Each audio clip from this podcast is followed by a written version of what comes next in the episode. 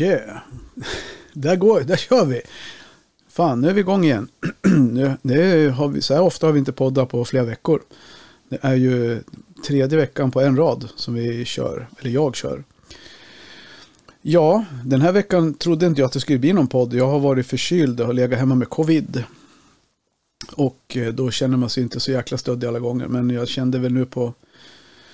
Jag hade planerat lite grann vad, vi skulle, vad jag skulle prata med och det fick jag lite återbud på. Så då blev det, då tänkte jag också att äh, jag pressar inte in någonting bara för att det ska bli eh, sådär. Men så ringde det för en, klockan är tio i tre nu, så för typ en halvtimme sedan så ringde det en person som nu sitter och väntar i kulisserna. Och vi snackade en stund om det han ville och, och då sa jag bara rakt av att fasen du, ska inte du vara med i podden? Jag bara, ja, men jag brukar lyssna så det, jag, kan, jag kanske kan vara med. Jag ska kolla med min chef. Ja. Och nu sitter vi här och han sitter i kulisserna. Så det, det ska bli spännande. Så idag ska vi prata om någonting som är ja, men ganska, jag ska inte säga nytt i branschen egentligen, men det är ändå nytt, men ändå inte nytt. Ett evigt problem kan man säga, som vi ska prata om.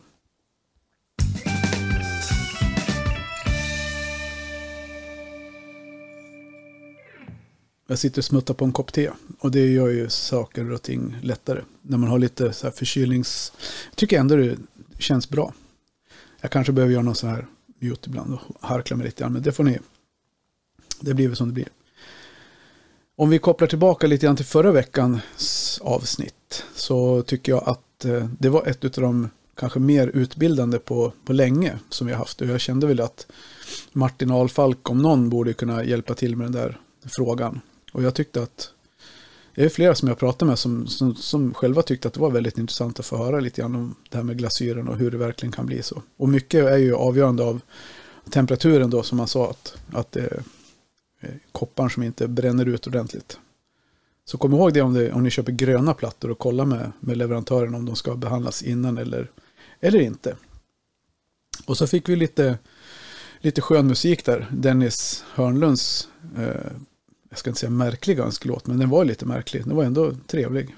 Det var inte som Rullan går på Bomans vind, men ändå lite märklig. Så vi får se, vi har väl dagens gäst också en önskelåt på lut, så jag tänker att vi eh, kollar om han är med oss.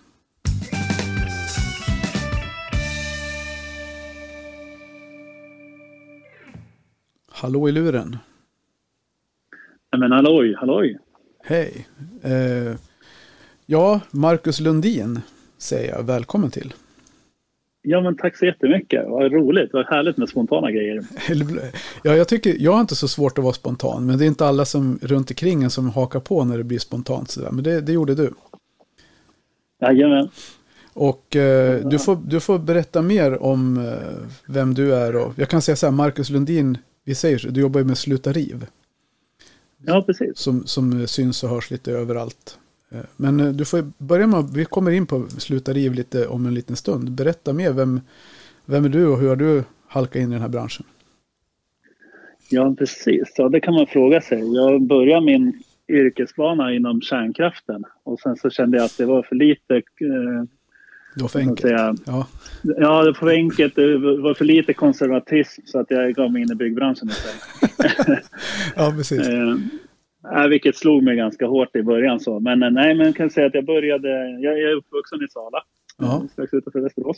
Och bor fortfarande i kommun, eller återigen i kommun kanske jag ska säga. Ja. Jag eh, har de senaste 17 åren ungefär utbildat inom VVS och byggbranschen på ja, system. Jag började min bana på Uponor, rörleverantör. Ja eh, utbildade där under tio år. Och sen har jag jobbat mycket med säker vattenutbildningar och eh, GVK-utbildningar och gjort GVK-kontroller och lite sånt.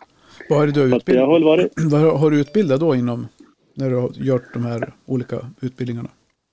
Det har varit regelverk främst. På Uponor-tiden var det ju både regelverk och eh, lösningar då, för att lösa kraven i, i branschregler och byggregler och så vidare. Ah, okay. och, och sen på, i, i egen regi så har det varit branschregler inom säker vatten och GVK och eh, byggreglerna, Boverkets byggregler. Ja, okay. ja, ja, så då har du, du har järnkoll på det liksom som hela BBR som hela vårt liksom gemensamma regelverk i byggbranschen. Det har du koll på? Ja, men det har jag fått hyfsat bra koll på, ja. ja. Precis. Men sen hur kom det, så du jobbade med det, hur länge sa du att du hade varit med det? Jag startade eget 2015 och sen kommer, så att ja, så sju år, snart mm. åtta år som jag har hållit med de, de utbildningarna på olika sätt. Då. Och sen ja. har jag, för ett antal år sedan kom jag i kontakt med, med folk som idag då utgör Slutari. Ja. Som jag har jobbat tillsammans med sen vi i princip träffades för ett antal år sedan. Så har jag liksom haft med dem att göra till och från och nu under det här året väldigt mycket. Då. Mm. Jag jobbar som... Ja.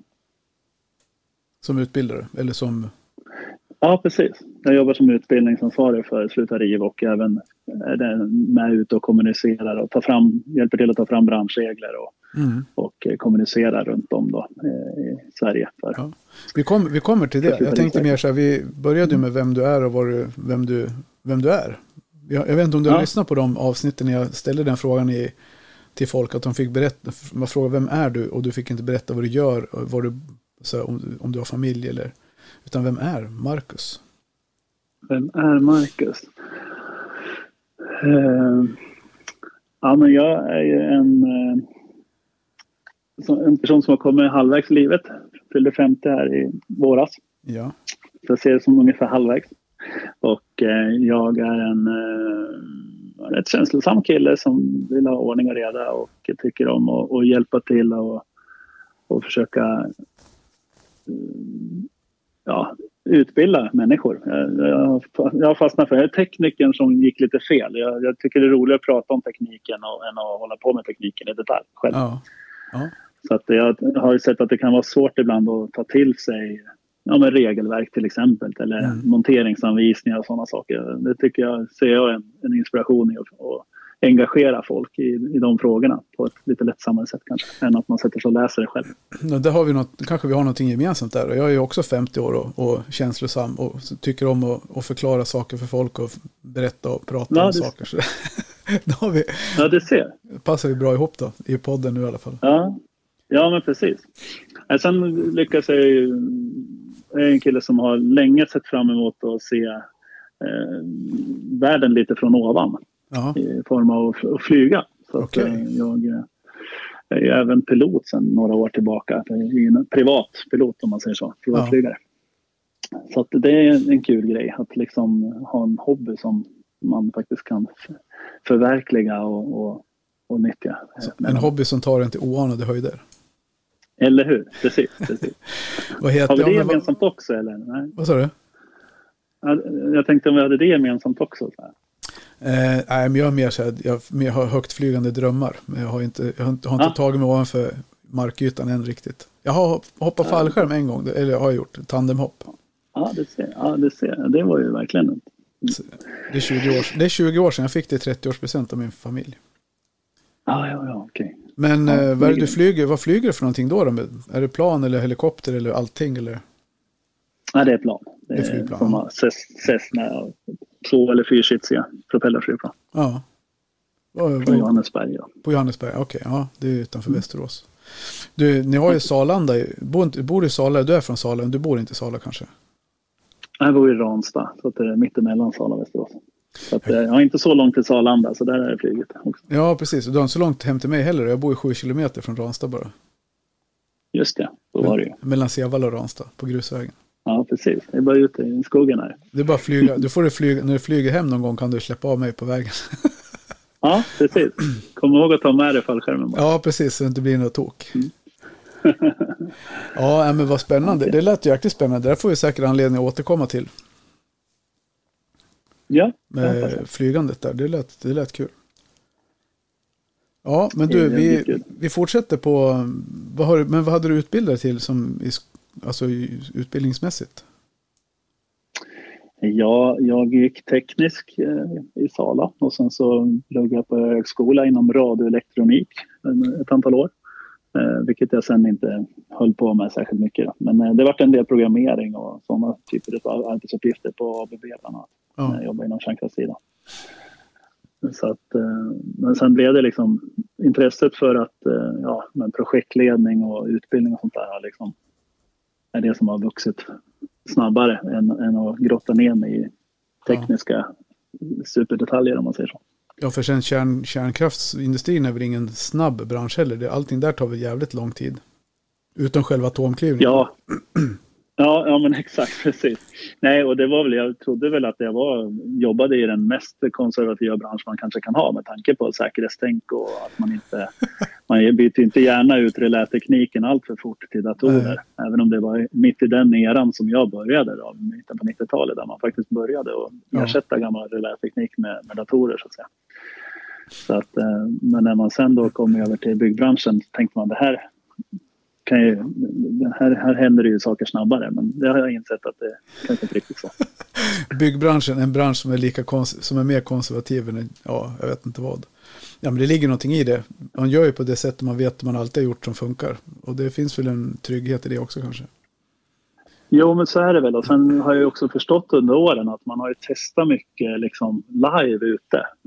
Enstegsfasader och vad det nu må vara, liksom presskopplingar och, ja. och, och sådär. Så att det liksom det, det, man testar mycket live innan man eh, har, man, man har inte provat i labbmiljö kanske tillräckligt mycket från början innan man börjar prova, prova det i, i konstruktioner. Så. Ja, precis. Och det kan ju kost, kosta på förstås. Så ja. jag förstår till viss del varför man rör den åt sig ja. i samma ja, precis. sammanhang. Ja.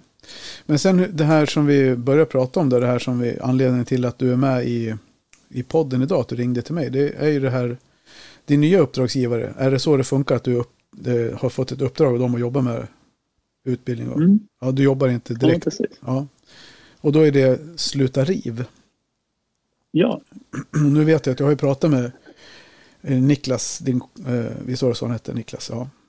Ja, precis. Niklas Sandström. Precis, om det här. Han ringde mig för förra veckan, runt två veckor sedan. Mm.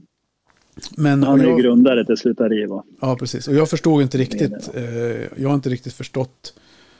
Eh, för jag, första gången jag kom i kontakt med Sluta Riv, det var ju på Nordbyggmässan.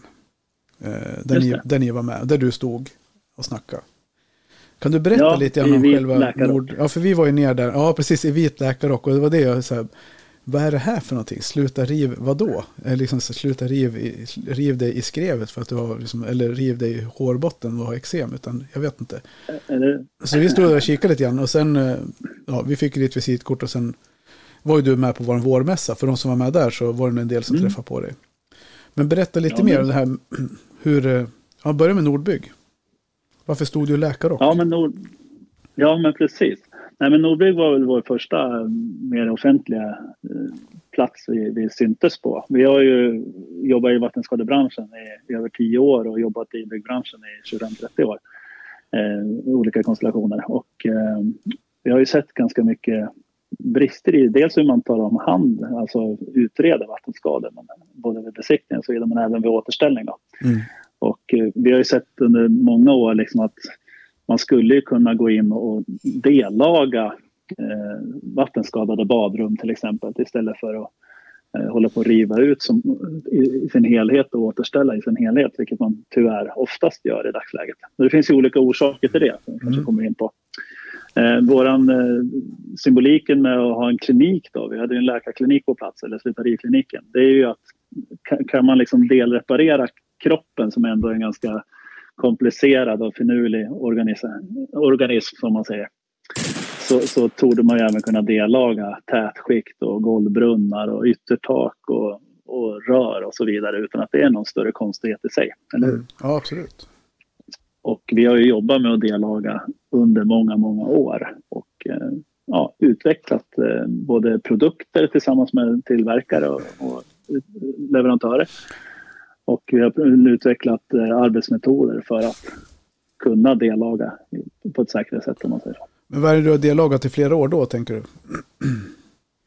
Ja, en av de äldsta sluta riv-koncepten inom situationstecken det är väl det är ju relining till exempel.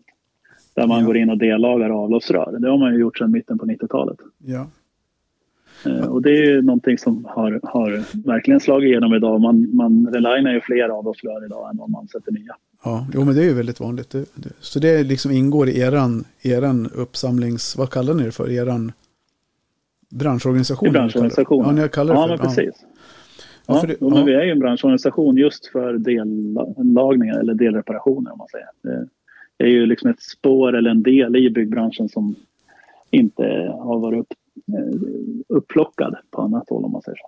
Nej, men inte samlat i alla fall. Utan alla har väl haft sina, alltså, vad kan man kalla för delprojekt i, i de olika branscherna. Eller olika yrkeskategorierna får man så säga. Då. Det är ju ja, VVS eller platt eller eh, bygg eller el, vad man kallar det för.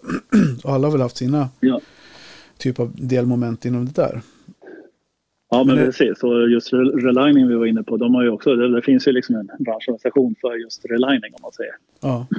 Okej, okay, det gör det också. Det blir, ja, det blir intressant även att, att, ha den delen med i, eftersom det är en form av dellagning eller deloperation. Mm.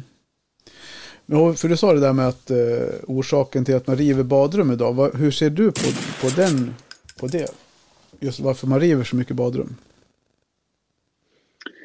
Det finns ju flera vinklar på det, men dels har det varit otydligt. Alltså på den här mässan, Nordbyggmässan, så frågar ju vi alla besökare om man får dellaga tätskikt till exempel. Det har ja. varit mycket fokus på tätskikt. Nu finns det ju, vi kan dellaga rör och yttertak och golvbrunnar och så vidare också. Eh, det finns ju många olika varianter. Men, men eh, just fokus på tätskikt har ju legat stort om man säger så. Och, eh, vi, vi fick ju fram att ungefär 8 av 10 hantverkare eller branschfolk eh, trodde eller var säkra på att man inte fick dellaga tätskikt ja. i badrum till exempel. Och eh, så har det ju aldrig varit. Det har ju aldrig varit otillåtet att dellaga eller delreparera tätskikt egentligen. Nej, tvärtom. tvärtom. Ja, det har ju varit tillåtet och sedan 2007 så har det dessutom funnits liksom tydliga anvisningar från, från eh, tillverkarna, tätskiktstillverkarna och så vidare. Det som har varit dilemmat kanske det är att man som entreprenör då inte har, har riktigt eh, vågat gå in och ta ansvaret för en delreparation i ett utrymme som man själv inte har varit involverad i förr.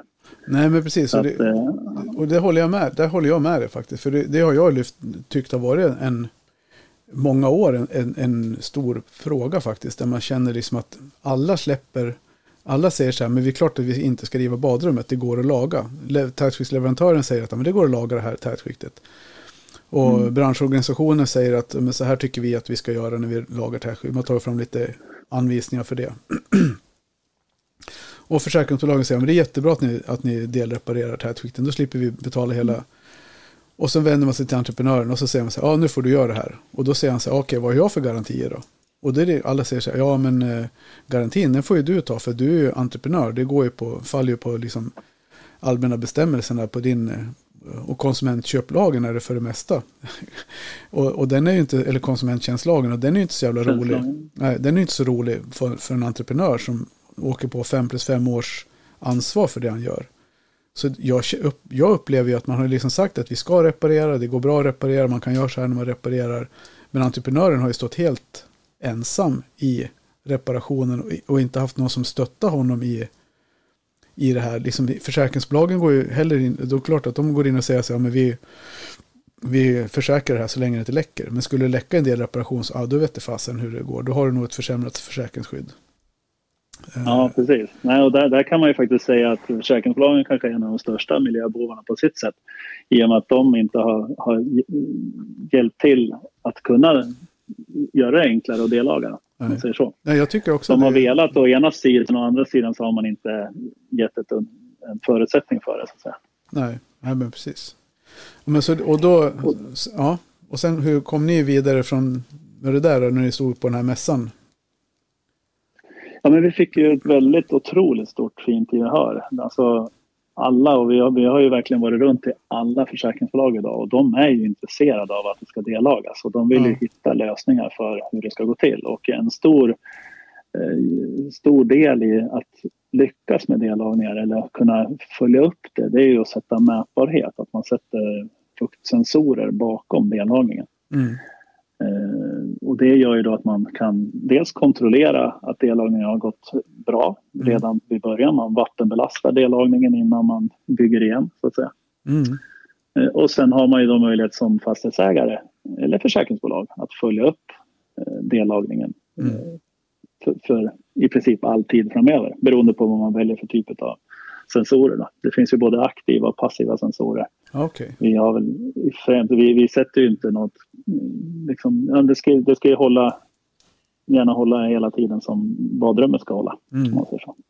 Och då är det ju kanske främst passiva sensorer som är aktuella i dagsläget. Om man säger. Ja, de som man går in. Det sker en otrolig utveckling. Ja, jag tänkte säga det. För det, jag vet att den här sensorn som används, det är de här Invisens-sensorerna som kom för några år sedan. Mm, precis, de har ju utvecklats. De, utvecklingen började nästan för 20 år sedan utav de här sensorerna. Ja. Utav en eh, avknoppning från RISE. Okej. Okay.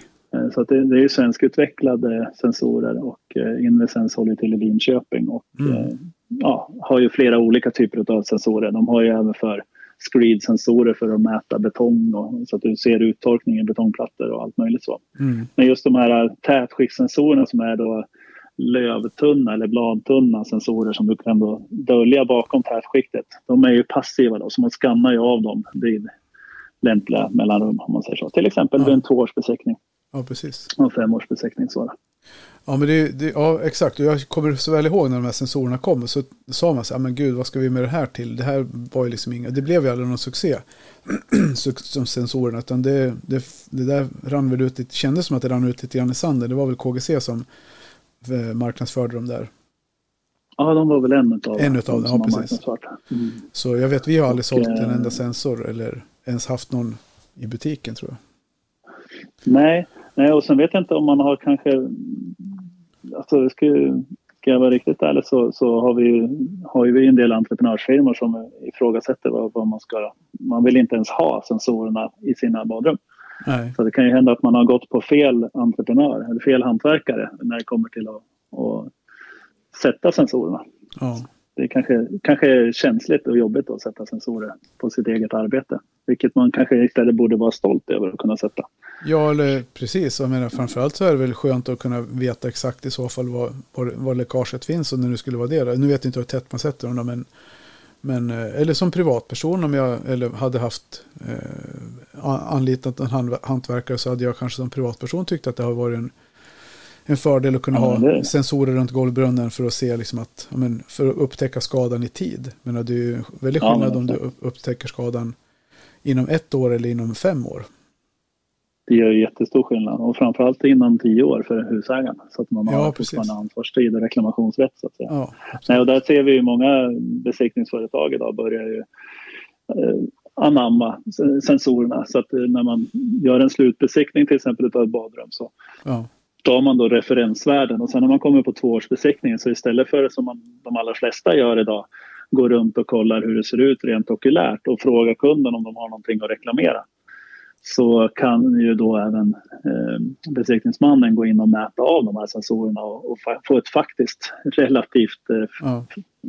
fuktvärde på hur det ser ut. Och framförallt kring eh, känsliga punkter som genomföringar mm. av olika slag. Det kan vara golvbrunnen sätter man ju sensorer runt, man sätter det under vägggenomföringar, ja. man sätter det på vardera sida om tröskeln till exempel. Mm. Och sådär. Jag tänker också om jag hade varit hantverkare, eller ja, nu vet jag inte hur jag ska säga om, om jag hade varit hantverkare. Jag vet inte hur duktig jag hade varit idag om jag hade varit hantverkare. Så Men jag tänker, de som, många av dem jag pratar med är ju jäkligt duktiga och de har ju aldrig några reklamationer. Så, och sen så pratar man ju alltid om att de här som är sämre eh, och har massa reklamationer, det är någon, någon orsak i de vattenskadorna vi ser idag. Och att då kanske man, det här skulle kunna vara ett bra sätt för de här som är duktiga och ett billigt sätt för de som är duktiga att utmärka sig på och säga att ja, men du, eh, med våran, anlitar våran firma så sätter vi i priset ingår så här många sensorer. Det kostar lite mer men, men då har du sensorer och våran garanti. Så jag skulle väl kunna se ett Helt stort rätt. värde i det om jag, för de som är hantverkare. Ja men eller hur. Ja men det är ju verkligen en, det är en fjäder i hatten liksom att kunna visa på att ja, men vi tror så pass mycket på oss själva och våra entreprenörer mm. så att vi sätter sensorer liksom. Och det ger dig den här extra möjligheten att vid en tvåårsbesiktning, vid en femårsbesiktning, vid en försäljning till exempel om man ska sälja sin lägenhet eller villa mm. eller så. Att då kunna ta in och, och, få hjälp att skanna av de här sensorerna och få ett protokoll på att så här är status. Mm det är ju enormt mycket värt och kommer att vara framöver. Och tittar man liksom på eh, också möjligheten, i och med att man kan lättare hitta läcka, eventuella läckage så kan man ju också delreparera i större omfattning och slipper ju då riva i samma omfattning som man gör idag. Ja, men precis. Och, och, Och det gör ju att det också kommer bli billigare att försäkra ett, ett, eh, en lägenhet eller ett våtrum som har sensorer än ja. ett som inte har det. Så kommer, kommer, kommer, så kommer det bli i slutändan. Du tror det? Alltså det är, där vi, det är dit det går? Ja, men om man skulle jämföra, vi jämför gärna ofta med bilbranschen till exempel. Eh, ja. Om du skulle ha en, en, bil där du är tvungen att byta ut hela motorn för att eh, tändstiftet har gett upp. Ja. Så skulle ju den bilen bli betydligt dyrare att försäkra i framtiden. Eh, det finns ju redan idag egentligen. Kan... Ja, men försäkringen om du har larm till exempel så får du rabatt på hemförsäkringen. Mm, precis. Får man, så det, ja. Du, vi hänger... Villalarm och vattenfelsbrytare och så vidare. Det har man också ja. Men om du, vi ska ha ett ord från våra sponsorer bara. Kommer här. Mm.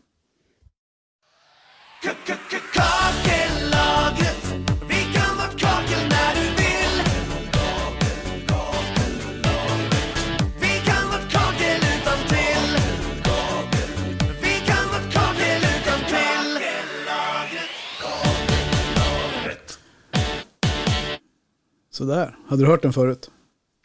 Tjusigt, jajamän.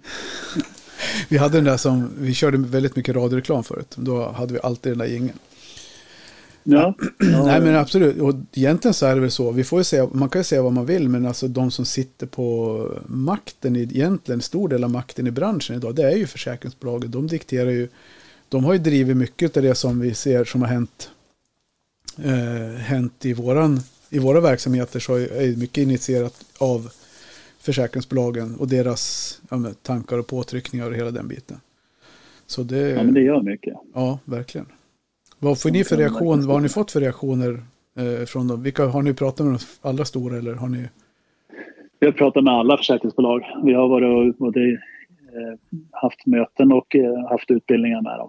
Mm. Så att, eh, de känner ju väl till och det, det, är ett stort intresse och engagemang om man säger. Sen, sen är det alltid liksom, som i alla situationer så är det liksom från att man har fått förklarat att det går att lösa saker på ett annat sätt till ja. att man sen har fått in det i sina villkor och sådana saker. Det, det tar ju såklart, det är en process. Ja, precis. Så att, men den processen är ju igång mm. och vi får ju väldigt mycket second opinion förfrågningar från försäkringsbolagen idag. Där man då tar besiktningsprotokollen ifrån från utförda besiktningar och skickar in för att kolla om det är möjligt att delreparera. Ja. Och eh, vår erfarenhet av de, alltså vi har ju varit inblandade i tusentals eh, olika besiktningssituationer och rapporter och eh, mer än nio av tio eh, vattenskadade badrum mm. går ju att dela. Ja, Sen kan det ibland vara en platta och ibland är det en kvadrat och ibland kanske det är hela golvet men Precis. inte väggarna och så vidare. Nej. Så det kan ju vara olika storlekar. Och sen är det klart att ibland kan det ju vara ett 30-40 år gammalt badrum som mm. inte ska delrepareras utan det är Nej. dags att byta ut det. Men det kan ju också vara så att i ett, ett så pass gammalt badrum så är det ju ingen oförutsedd händelse att det blir en vattenskada. Nej, precis. Eh, och då är ju frågan, så då, ska, då kanske inte försäkringskollektivet ska stå och ta den kostnaden utan det är ju husägaren som inte har underhållit sitt badrum om man säger så. Mm. Och då blir det ju lättare för försäkringsbolaget att kunna gå in och säga att ja, vi kan gå in och delreparera den här skadan. Mm. Men, men, vi förstår ju om ni inte vill. Ja, precis. För att det är så pass gammalt i övrigt om man säger så. Ja, sen, det, jag tänker på en annan sak, ett annat perspektiv på det här. Du, vi pratade om det här med att spara pengar på Alltså tittar man på genomsnittslivslängden på ett badrum idag så är det ju, den är ju typ så 15 år har jag hört någonstans. Och vi har material som egentligen håller i 5000 år. Och man borde kunna hålla i 30 år ett badrum i alla fall. Vi skulle lätt kunna fördubbla livslängden på badrummen. Om vi nu... Och jag vet mm. inte hur stor del av de här som rivs ut i förtid som rivs ut på grund av en vattenskada. Men jag kan tänka mig att det är en, en stor del av, av eh, diskussionerna som uppkommer blir ju oftast att man, någon vill gå in och delreparera och så kräver kunden garanti och då säger platsättaren eller byggfirman att ja, vi kan inte lämna någon garanti och då vill kunden ha ett nytt badrum. Mm, om man visste så. Och det är, ja, utav 100 000 skador ungefär, vattenskador per år ungefär så, så är det ändå en, ja, vi pratar om 15 procent ungefär på tätskiktssidan om man säger. Ja. Sen är det inte alltid helt hundra vad som har orsakat vad. När man tittar i statistiken kan det vara svårt att utläsa ibland vad, vad som ja. egentligen är orsak, grundorsaken om man säger så.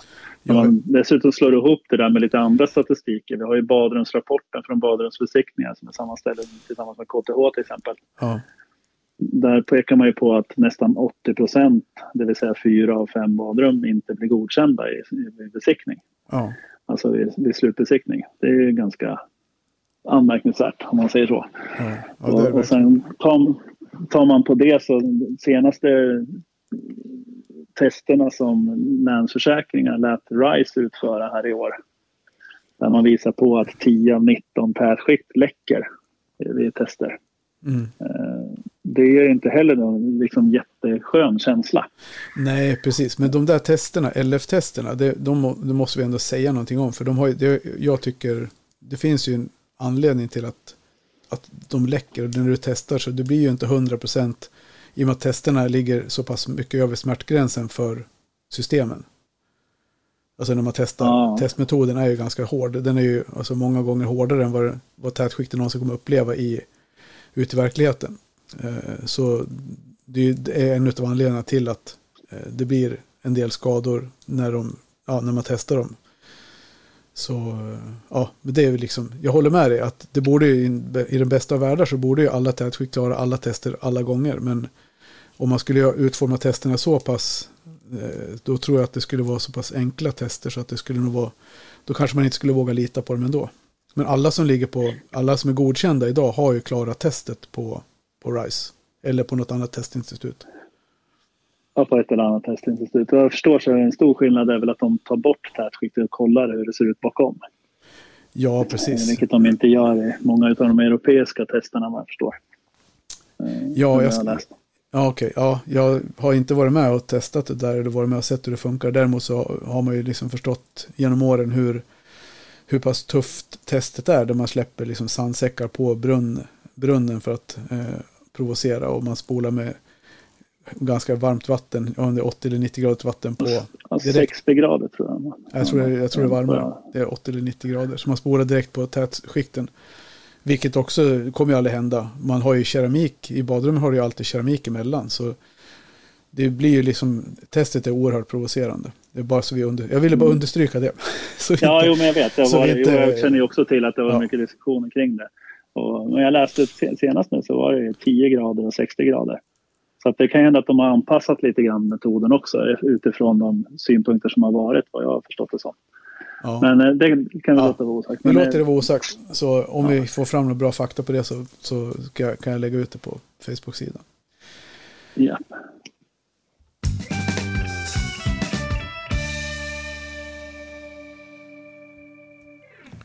Jag sitter på en hemsida, eller på, inte på eran, du inte, det är inte din hemsida. Jag sitter på slutariv.se. Eh, mm. Så står det valftekniker steg 1. Vad är en valftekniker? Valp vet jag vad det är. Eh, men valf, vad är det? Ja, ja valf, valf som begrepp står för vatten, avlopp, läcksökning och fukt. Ja. Och eh, valftekniker är då en av de yrkesroller som vi har sett oss eh, tagit fram för att kunna hitta och, och utreda vattenskador effektivare. Under de här många år som vi har jobbat i, i branschen så har vi konstaterat att det kan vara ganska många steg innan man har, ja, från att man har upptäckt en, en någon form av läckage ja. till, att, till att man har liksom fått stopp på läckaget.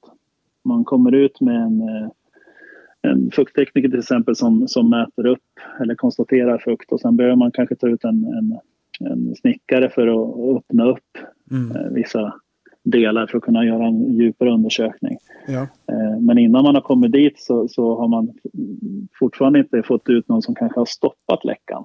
Om det till exempel kan vara att man har nyttjat ett avlopp som inte eller, eh, håller tätt eller att det är ett mm. vattenrör som står och läcker. så, så att vi har liksom vi har under årens lopp eh, utbildat valvtekniker till att kunna både hitta läckan och få stopp på läckan och på så vis då minimera skadan och mm. kunna riva mindre i slutändan. Ja. Så det kan man säga är en valvtekniker. Det är den som, en, en, en som besiktar och utreder vattenskador lite mer på djupet om man säger så. Ja. Ofta ganska mycket rörkunskap. Eh, vi ser att de som kanske har lättast att bli valvtekniker är VVS. De som tidigare jobbade som VVS-are ja. eller rörmokare. Okay. Men eh, det ena behöver inte utesluta det andra. Alla kan lära sig saker och ting men man har ganska mycket förspänt om man, om man kan och har god förståelse för hur VVS-systemen hänger ihop. För tittar vi i statistiken så är ju ja, närmare 80 procent av mm. alla skador är relaterade till, till rör, rör på något sätt eller utrustning som kopplar till rör. Precis. Eh, man tittar i vattenskaderapporten om man säger. Mm. Ja, den och då säger det sig ganska... Den siffran har varit ganska konstant genom alla år att det, den största delen ja, kommer via rör, rör anslutningar i installationer på något sätt. Ja, men exakt.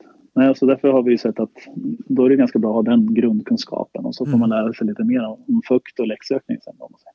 Så vi utbildar ju valvtekniker och eh, ja, i dagsläget har vi ett antal tekniker inom organisationen som hjälper till ute men syftet här är ju att ju, ju fler medlemsföretag vi får med i, i Sluta riv mm desto vartefter kommer ju de tekniker som jobbar aktivt i organisationen kommer ju gå in som en supporterande funktion. Ja.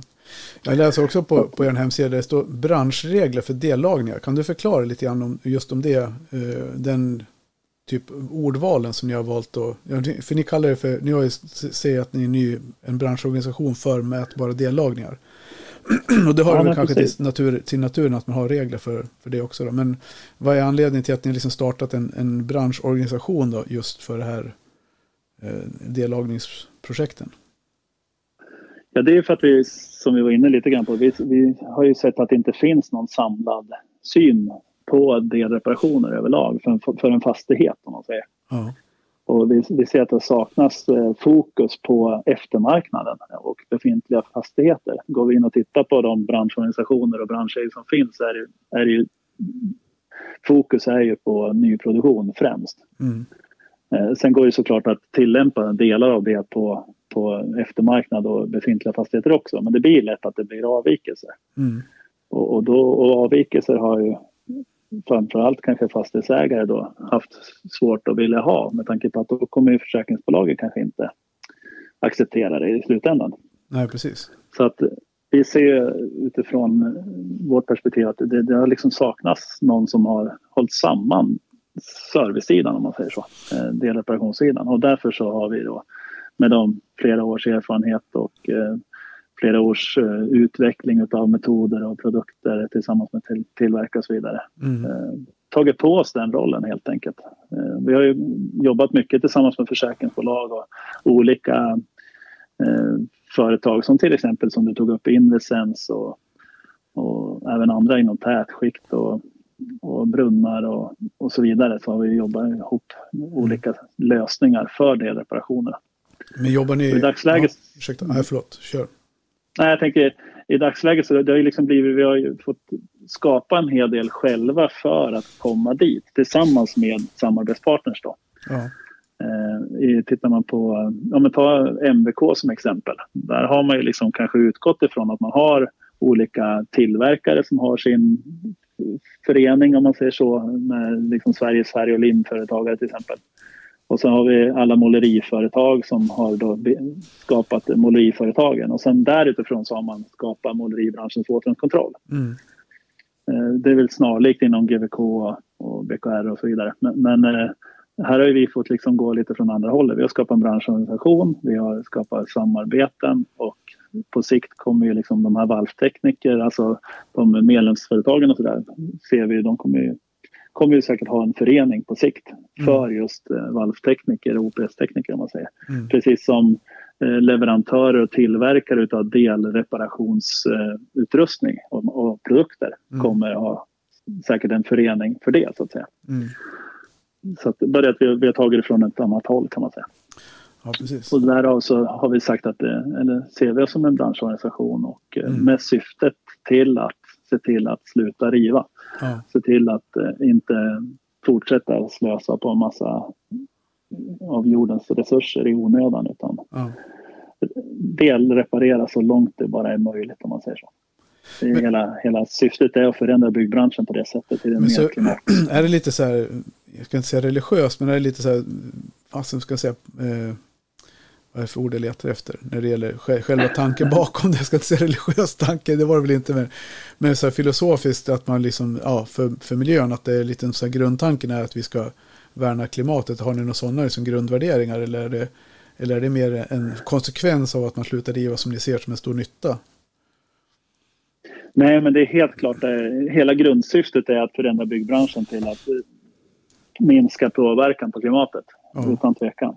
Alltså, eh, de grundarna till det här är liksom brinner för det syftet. Att mm. se till att eh, få ner slöseriet och svinneriet om man säger så. Mm.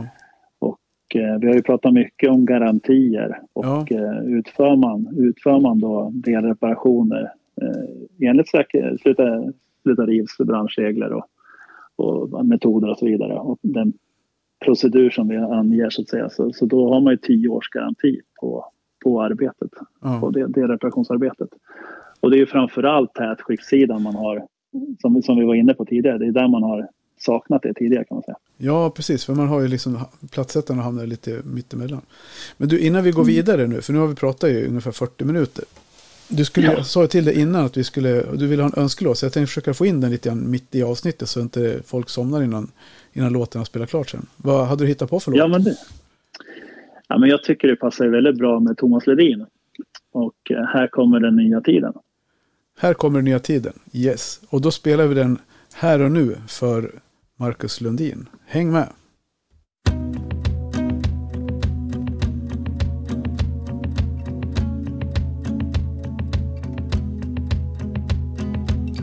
Det blåser kraftiga vindar Förändringarnas tid är här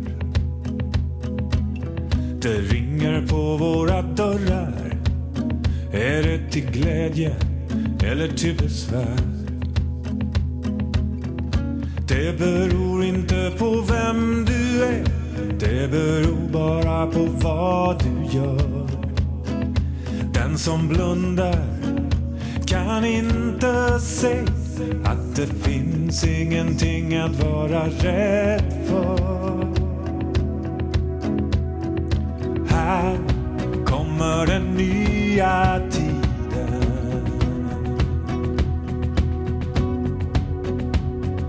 här kommer den nya tiden. Den nya tiden är här.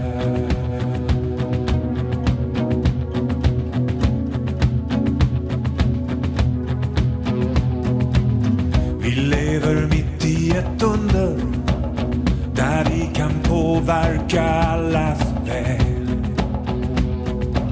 ska livet vara fyllt av glädje för alla eller bara för en del. Det beror inte på vem du är, det beror bara på vad du gör. Den som blundar kan inte se att det finns ingenting att vara rädd för. Här kommer den nya tiden.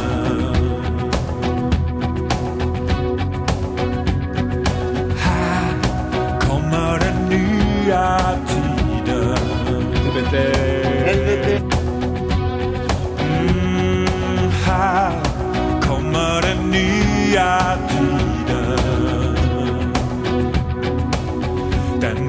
tiden.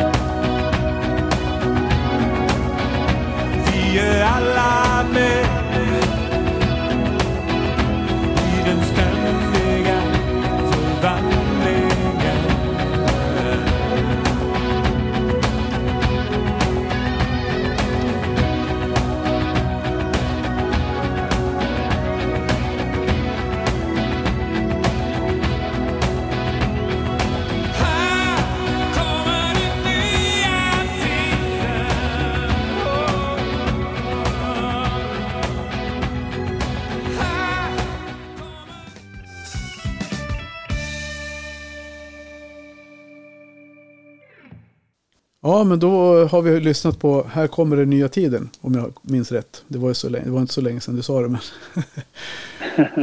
eh, och nu när vi pratar om det här så får jag, måste jag lov att säga att jag har, vet inte riktigt om jag har hört den. Men eh, det ska bli spännande sen när jag spelar in eh, spela in den. Ja, men det, du kommer känna igen den. Okej, okay, ja, vad bra. Vad bra jag tycker den passar bra med tanke på att vi ser en, en utveckling nu på, i byggbranschen. Ja. Att börja del, dellaga mer och riva mindre. Ja, men precis. Och det kan ju vara i många avseenden, nu, särskilt nu när byggmaterial har blivit så jäkla dyrt och det kanske kommer ligga kvar på höga nivåer så är det väl absolut värt att, att spara på resurserna, tycker jag. Ja, men visst är det så. Vi ser ju att vi, vi tenderar väl att gå in i lite, lite form av lågkonjunktur nu kanske. Ja stigande räntor och elkostnader och så vidare. Så jag tror att det kommer vara ännu viktigare att kunna delreparera. Man kommer inte ha råd att hålla på och riva ut och bygga om för flera hundratusen. Nej, precis. Och framförallt så har inte Moder Jord råd att, att ödsla på massa material. Nej, verkligen inte, verkligen inte. Jag tänker på det, vi har ju, du kommer ju till oss nästa tors, nu på tors, om en vecka. Eh, så ja. ni som lyssnar på det här nu då, så idag är det den 25 november och den, vad det nu blir då, då den första Första december kommer ju Marcus vara hos oss på Kakelaget i Västerås. Eh, hör ni det här någon annan dag i månaden så synd att ni missar det. Men jag ska prata lite mer med dig sen på torsdag vad jag har för idéer om hur vi ska kunna jobba vidare med det där tillsammans. Vad, mm. vad kommer du prata om? Vad pratar du om på sådana här typer av frukostträffar som, du, som vi arrangerar?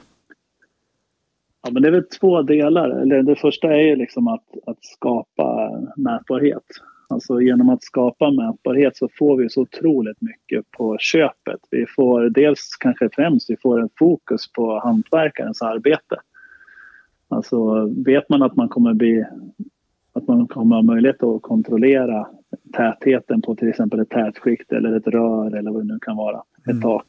Så, så ökar kvaliteten på jobbet för hantverkaren kommer att vara betydligt mer fokuserad. Vi får ju också med mätbarhet möjlighet att, att uh, göra betydligt mer adekvata besiktningar. Där vi kan gå in och göra, som vi sa tidigare, vi kan gå in och besikta och, och få en fuktmätning vid olika tillfällen. Mm. Och det ger ju möjligheten för fastighetsägarna då att reklamera uh, under de tio år man har. Mm. Och inte minst så ger det möjlighet för våra medlemmar framöver att kunna dellaga våtrum i framtiden. Så att vi återigen, vi, vi slutar riva så mycket. Ja, precis. Absolut. Nej, men så...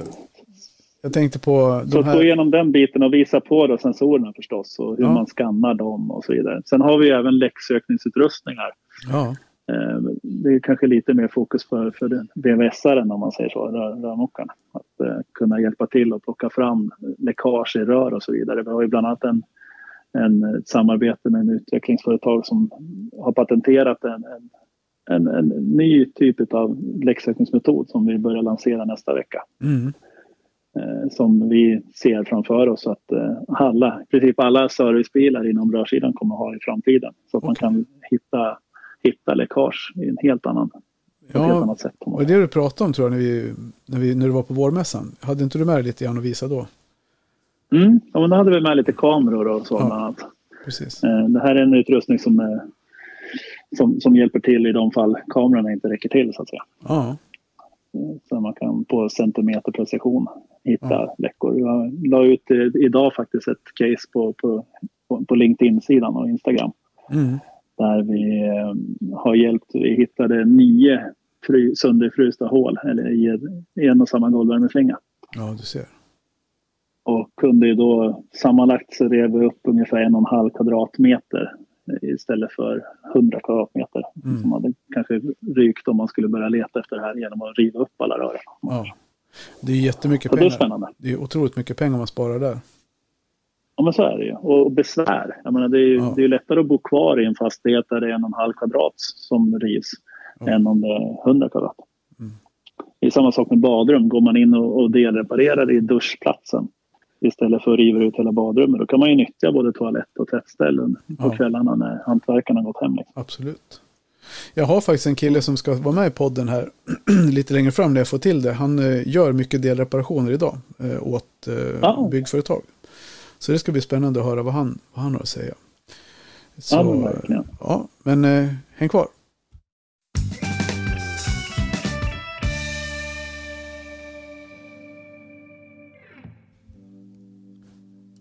Då har vi kommit till sluttampen. Ja. Då har jag min lilla, hör du ljudet i bakgrunden? Jajamän. Jag tycker det är bra att spela in det här på en fredag för man kommer så här Friday Mode. Ja, men eller hur? Ja. Det ska se riktigt verkligen. Du, Marcus, stort tack för att du att ni ställer, ni får jag väl säga, för du, det är ju du och dina kollegor och din uppdragsgivare som, som eh, okade din medverkan. Jag, vi får säkert anledning till att återkomma till er på ett eller annat sätt. Det Så- hoppas jag verkligen. Och eh, ber alla att hålla utkik för vid 1 januari kommer en uppdatering på branschreglerna också. Ja, Som kommer inkludera mer fokus på, på mätbara våtrum överlag om man säger. ja det, är, det är Slutarivs bransch, branschorganisations branschregler som vi pratar Ja om. men precis. Yes. precis. Men slutariv.se, har ni hemsidan. Och eh, Ja, så får ni kika in där. Vad ska du göra helgen då? jajamän. Ut och flyga? Helgen blir det nog lite adventspynt tror jag. Ja, vi får se om det blir flygning också. Jag var Ja. ute lite grann förra helgen och flög faktiskt. Okej. Lite mörkerflyg. Det blir mycket mörkerflygning det här året för det är inte ljus så länge på dagarna. Nej, nej, jag förstår det. Är det svårare? Ja, det är klart det är svårare att flyga i mörkret. Ja, men det är lite mer. Man får tänka några varv extra. Ja, man får göra det. Så man vet var man kan landa ifall det skulle vara så att motorn får för sig att stanna. Ja, precis. Då Jag kanske man möter den på E4 eller E18 eller något sånt där. Det vill man inte ens tänka på. Nej, Ja. precis. Nej, det händer ju i princip aldrig. Nej, precis. Ja. Nej, men du, jag, eh, jag tackar dig. Du, så ber jag dig hänga kvar så snackar vi av lite grann sen efteråt. Ja, tack själv. Bra. Vi hörs. Ja, trevlig helg. Samma. Ja, det var alltså Marcus Lundin från Sluta Riv. En ny branschorganis- branschorganisation för mätbara dellagningar. Och jag lägger ut lite information om det här på Facebook-sidan och eh, på torsdag morgon frukost inne på kakelagret. Och har ni frågor kring det här så får ni jättegärna höra av er till, till mig någonstans. Eh, Facebook eller Instagram eller på mail eller sms. Så sätter jag er tillsammans, sätter jag ihop kontakten med, med Marcus och slutar Riv.